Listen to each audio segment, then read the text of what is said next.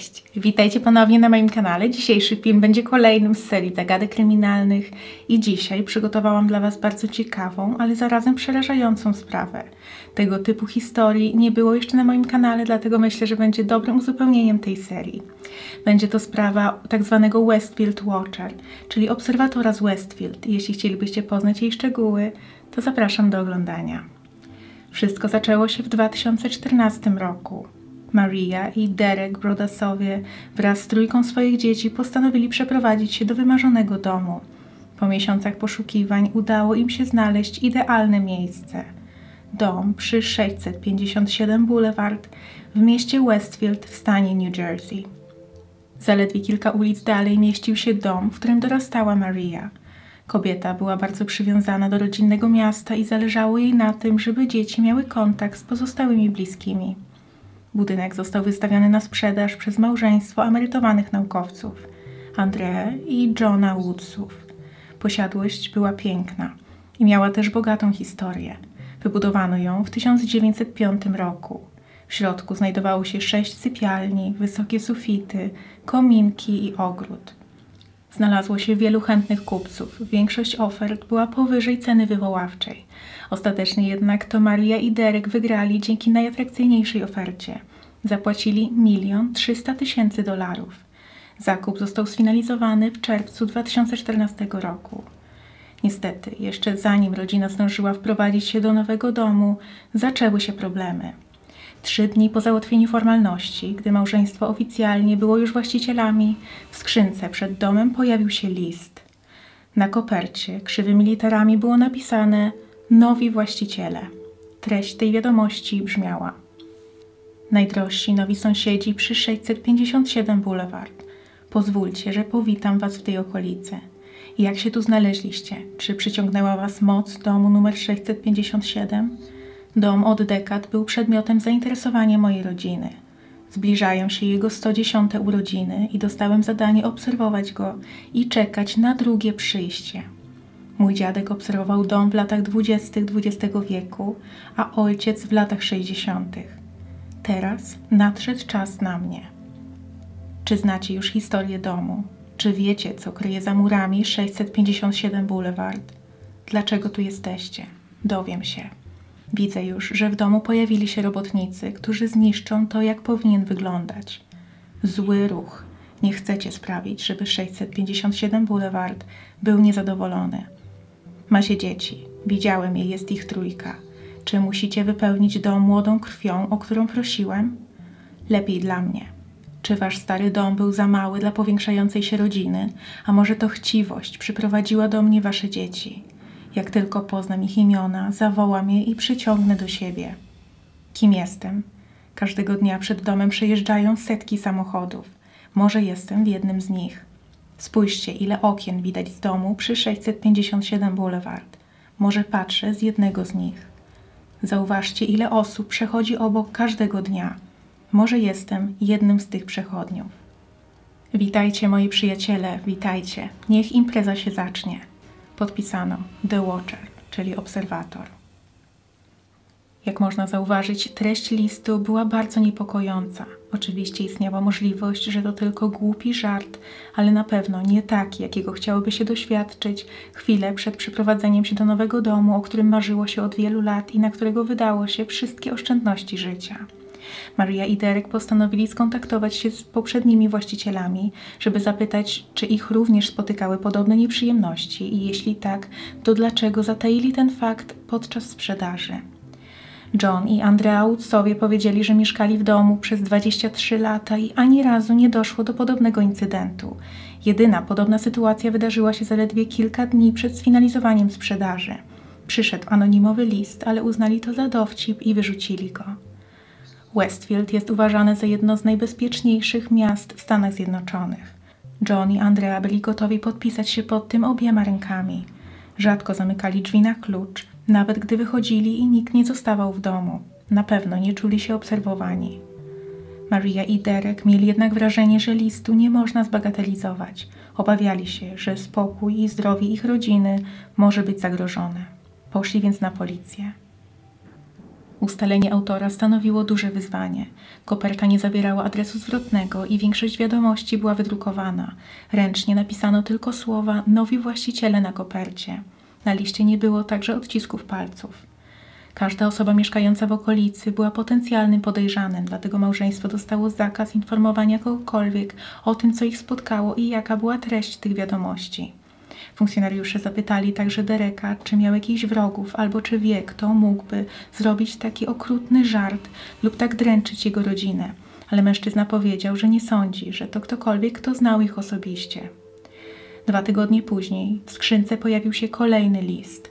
Maria od razu rozpoznała napis na kopercie i skontaktowała się z policją. Wtedy rodzina nie zdążyła jeszcze wprowadzić się do posiadłości, jednak byli tam praktycznie codziennie, nadzorując drobne remonty. Treść tego drugiego listu brzmiała: Witam ponownie w nowym domu przy 657 Boulevard. Widzę, że robotnicy nie próżnują. Obserwowałem również, jak rozładowujecie swoje rzeczy osobiste. Czy pracownicy znaleźli już to, co jest w ścianach? Z czasem tak się stanie. Cieszę się, że poznałem już wasze imiona i imiona młodej krwi, którą mi przynieśliście. Zauważyłem, że często wołacie je po imieniu. Widzę też, że w rodzinie jest artystka. 657 Boulevard pragnie, żebyście się wprowadzili. Minęły lata, odkąd młoda krew rządziła korytarzami domu. Czy odkryliście już wszystkie jego sekrety? Czy młoda krew będzie bawiła się w piwnicy? A może za bardzo boją się zejść tam samemu? Ja bardzo bym się bał na ich miejscu. Jest daleko od reszty domu. Gdybyście byli na górze, nigdy nie usłyszelibyście ich krzyków. Czy będą spały na strychu, a może wszyscy będziecie spać na drugim piętrze? Kto ma sypialnię od strony ulicy? Dowiem się, jak tylko się wprowadzicie. Gdy będę wiedział, kto zajmuje którą sypialnię, będę mógł lepiej planować. Wszystkie okna i drzwi w 657 Boulevard pozwalają mi Was obserwować i śledzić, gdy poruszacie się po domu. Kim jestem? Jestem obserwatorem i kontroluję 657 Boulevard od prawie 20 lat. Rodzina Woodsów przekazała Wam dom. Nadszedł już czas, żeby przeszedł dalej. Sprzedali go, gdy ich o to poprosiłem. Mijam go wiele razy dziennie. Dom to moja praca, moje życie, moja obsesja. A teraz jesteście nią także wy, Rodusowie. Witam w produkcie waszej chciwości. Chciwość przywiodła ostatnie trzy rodziny na 657 Boulevard, a teraz przywiodła do mnie również Was. Życzę przyjemnego wprowadzania się. Wiecie, że będę obserwował. Drugi list wydawał się jeszcze bardziej złowrogi niż pierwszy. Zawierał już bezpośrednie groźby i więcej informacji na temat rodziny, ich nazwisko i informacje o znajomości imion dzieci. Małżeństwo rzeczywiście w ostatnim czasie spędzało więcej czasu w domu, żeby nadzorować prace remontowe i w tym czasie ich pociechy bawiły się na podwórku. Maria wołała je wtedy po imieniu. Obserwatorem musiała być więc osoba, która była nie tylko w zasięgu wzroku, ale także słuchu od posiadłości. W liście wspomniano też o artystce. Maria i Derek przypomnieli sobie, że pewnego dnia jedna z ich córek malowała na sztalugach, znajdując się na werandzie. To miejsce nie było jednak widoczne z ulicy ze względu na balustradę i wysokie krzaki. Nie mógł to więc być zwykły przechodzień czy ktoś siedzący w samochodzie na ulicy. Pojawiły się podejrzenia, że obserwatorem mógł być jeden z sąsiadów, z którego okna widać werandę. To bardzo ograniczało listę podejrzanych. Małżeństwo zorganizowało także przyjęcie, na które zaprosili wszystkich sąsiadów. Każdy musiał wpisać się do listy gości. Później porównywali charakter pisma do tego na kopercie, ale wysiłki nie przyniosły rezultatów. Nie udało się znaleźć żadnego bezpośredniego i niepodważalnego połączenia. Maria i Derek czuli się bezsilni. Na wycofanie się z kupna domu było już zdecydowanie za późno i też nie chcieli, żeby listy, które potencjalnie były tylko głupim żartem, zaprzepaściły ich szanse na zamieszkanie w wymarzonym domu. Z drugiej strony jednak zdecydowali się na tak dużą posiadłość ze względu na swoje dzieci i przestrzeń do zabawy. Miały więcej pokoi i ogródek. To całkowicie mijało się z celem, jeśli mieli obawiać się zostawiania ich bez opieki w tych miejscach. Prace remontowe wkrótce dobiegały końca i rodzina mogła zacząć się wprowadzać, jednak małżeństwo miało poważne opory. W ostatnim czasie, gdy przyjeżdżali do domu, nie zabierali ze sobą dzieci i w końcu także sami przestali przyjeżdżać na kilka tygodni. Wtedy w skrzynce pojawił się trzeci list. Tajemniczy obserwator napisał: Gdzie jesteście? 657 Boulevard za wami tęskni. Odniósł się również w tej wiadomości do przeprowadzonych renowacji. Dom płacze. Zmieniliście go i okradliście z historii. On chce wrócić do tego, jak było, gdy biegałem po jego korytarzach.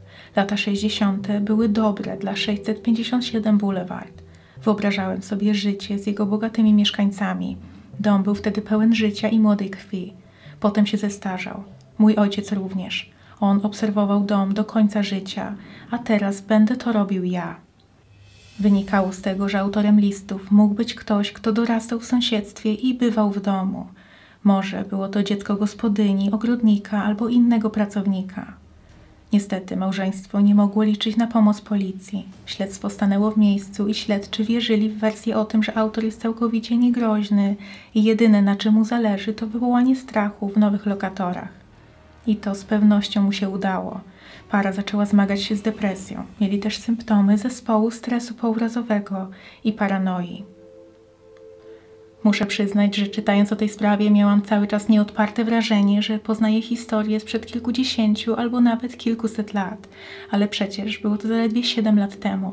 Istniała więc możliwość, że obserwator założył rodzinie podsłuch i w ten sposób poznał imiona dzieci i wiedział, kiedy rodzice znajdują się w posiadłości. W ten sposób mógł ich obserwować bez bycia w zasięgu wzroku czy słuchu.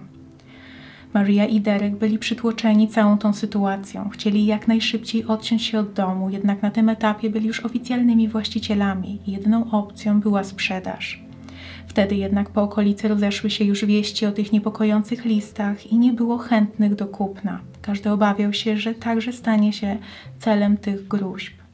Brudusowie podjęli wtedy decyzję o pozwaniu Udsów, czyli poprzednich właścicieli domu, za to, że nie poinformowali ich przed sfinalizowaniem sprzedaży o tym jednym anonimowym liście. To, że sprawa wkroczyła na drogę sądową, przyniosło jej już ogólnokrajowy rozgłos. Treść listu wyciekła do mediów i historia przestała być tylko kwestią lokalną. Wiosną 2016 roku od niefortunnego zakupu minęły dwa lata i w posiadłości mieszkała inna rodzina, która wynajmowała ją od Marie i Dereka. Każdy potencjalny wynajmujący spodziewał się zniżki za złą reputację domu i ostatecznie małżeństwo musiało wynająć dom za stawkę, która nie pokrywała nawet raty kredytu. Nowi lokatorzy mieli dorosłe dzieci i dwa duże psy. Wprowadzając się, zdawali sobie sprawę z historii tego domu i problemów, jakie spotykały właścicieli. Dlatego do umowy został dodany zapis, że w przypadku przyjścia kolejnego listu będą mogli zerwać zobowiązanie i wyprowadzić się, gdy tylko będą chcieli. I po upływie pewnego czasu, niestety, ten najgorszy koszmar właścicieli się spełnił. Przyszedł kolejny list. Jego treść była jeszcze gorsza niż w przypadku poprzednich. Zaczynał się słowami: Do nikczemnego i złośliwego Dereka i jego dziewuchy, żony Marii. 657 Boulevard przetrwał waszą próbę zniszczenia dzięki mnie i mojej armii zwolenników. Moi żołnierze przestrzegali rozkazów i zrealizowali misję i uratowali duszę domu. Niech żyje obserwator. Zastanawiacie się, kim jestem? Odwróćcie się, idioci. Może już ze mną rozmawialiście.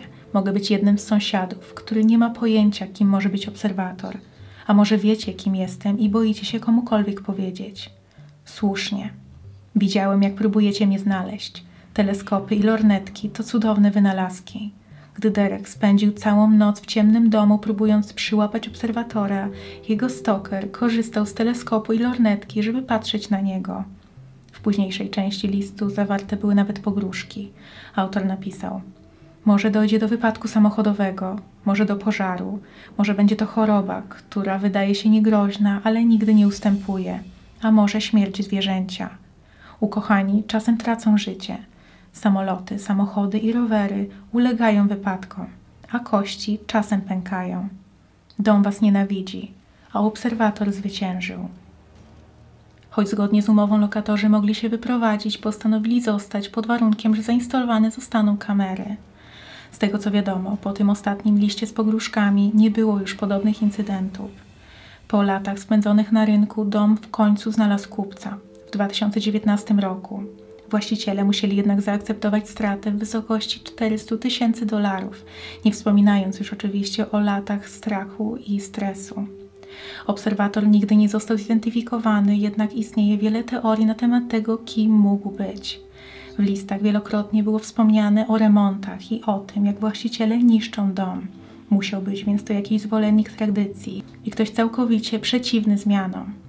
Dodatkowo wspomniane było również o chciwości. Musiał być więc to ktoś zazdrosny o sytuację materialną Dareka i Marii. Wiadomo, że chętnych na zakup domu było wielu. Może była to więc osoba, która przegrała z małżeństwem, ponieważ ci zaoferowali więcej pieniędzy i teraz chciał się na nich zemścić i odegrać. Wiele w tej sytuacji może także wskazywać na to, że cała okolica, łącznie z władzami, była świadoma tego, co spotyka Brodusów, a może nawet aktywnie w tym uczestniczyła. Może obserwatorem nie była jedna osoba, a cała grupa, która postanowiła uprzykrzyć życie rodziny. To wyjaśniałoby, skąd obserwator wiedział tak wiele na temat rodziny, cały czas pozostając niezauważony. Może były to informacje zbierane od kilku osób, które obserwowały dom o różnych porach i z różnych perspektyw. Podejrzewa się także, że władze osiedla były w to zamieszane, ponieważ po tym, gdy Darek i Maria nie mogli znaleźć kupca na dom, postanowili sprzedać posiadłość deweloperowi, który miał zburzyć dom i postawić w tym miejscu dwa oddzielne, żeby całkowicie wymazać historię budynku.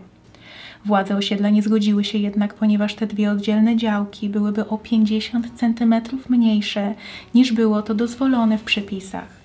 Później okazało się, że kilka miesięcy wcześniej doszło do podobnej sytuacji, ale wtedy właścicielom udzielono zgody, mimo że ta różnica była większa niż 50 cm. Maria była całkowicie sfrustrowana, że jej największe marzenie zmieniło się w najgorszy wyobrażalny koszmar. Zamiast spokojnego życia dostała strach, stres i problemy finansowe. Są również teorie mówiące o tym, że obserwator to faktycznie jedna osoba. Przez lata policja wyłoniła kilku podejrzanych. Po sąsiedzku Brodusów mieszkała 90-letnia kobieta Peggy Langford wraz z kilkoma dorosłymi dziećmi, w tym synem Michaelem. Podobno większość mieszkańców osiedla go unikała albo wręcz się go obawiała, ponieważ zachowywał się dziwnie i był znany z zaglądania ludziom przez okna. Z okna jego domu idealnie byłoby widać werandę, na której malowała jedna z córek Marii i Dereka. Dodatkowo, analizując drzewo genealogiczne Michaela, ustalono, że zgadzały się daty podane przez obserwatora w listach. To, kiedy dom mógł być obserwowany przez jego ojca oraz kiedy on przejął tę rolę. Mężczyzna stał się podejrzanym w sprawie już po pierwszym liście. Przesłuchiwał go detektyw Leonard Lugo ale Michael zaprzeczył, jakoby wiedział cokolwiek na temat obserwatora i listów. Musiał zostać wypuszczony, ponieważ nie znaleziono bezpośrednich dowodów na jego winę. Później ustalono, że na kopertach znajdowały się niewielkie ślady śliny, z których udało się wyodrębnić materiał genetyczny. Ustalono, że DNA należało do kobiety. Wtedy podejrzenia skierowano na siostrę Michaela, Abby Langford. Kobieta pracowała jako pośrednik w handlu nieruchomościami i przygotowywała ofertę między innymi na dom, który ostatecznie kupili Maria i Derek. Jej klienci zostali przelicytowani i kobieta nie uzyskała prowizji za tę sprzedaż. Podejrzewano więc, że mogła chcieć zemścić się na nowych właścicielach. Zorganizowano całą akcję pozyskania jej materiału genetycznego.